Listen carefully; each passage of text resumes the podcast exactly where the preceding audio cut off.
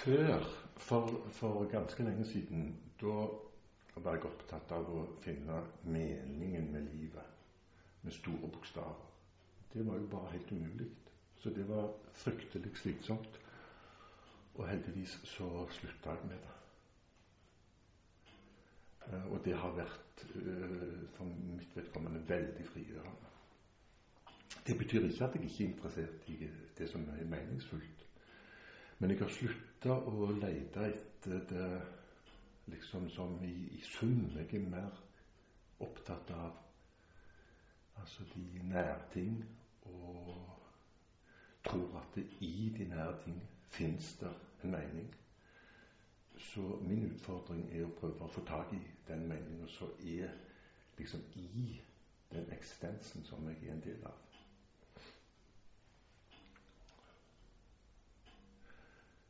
Det betyr at uh, hvis jeg treffer en fremmed person, f.eks.,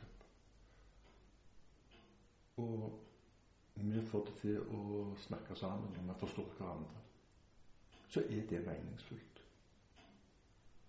Og jeg blir veldig takknemlig for den meningen som fins akkurat der og da. Og hvis det da skal være en mening med tilværelsen, så må det være summen av alle de små, meningsfylte eh, øyeblikkene som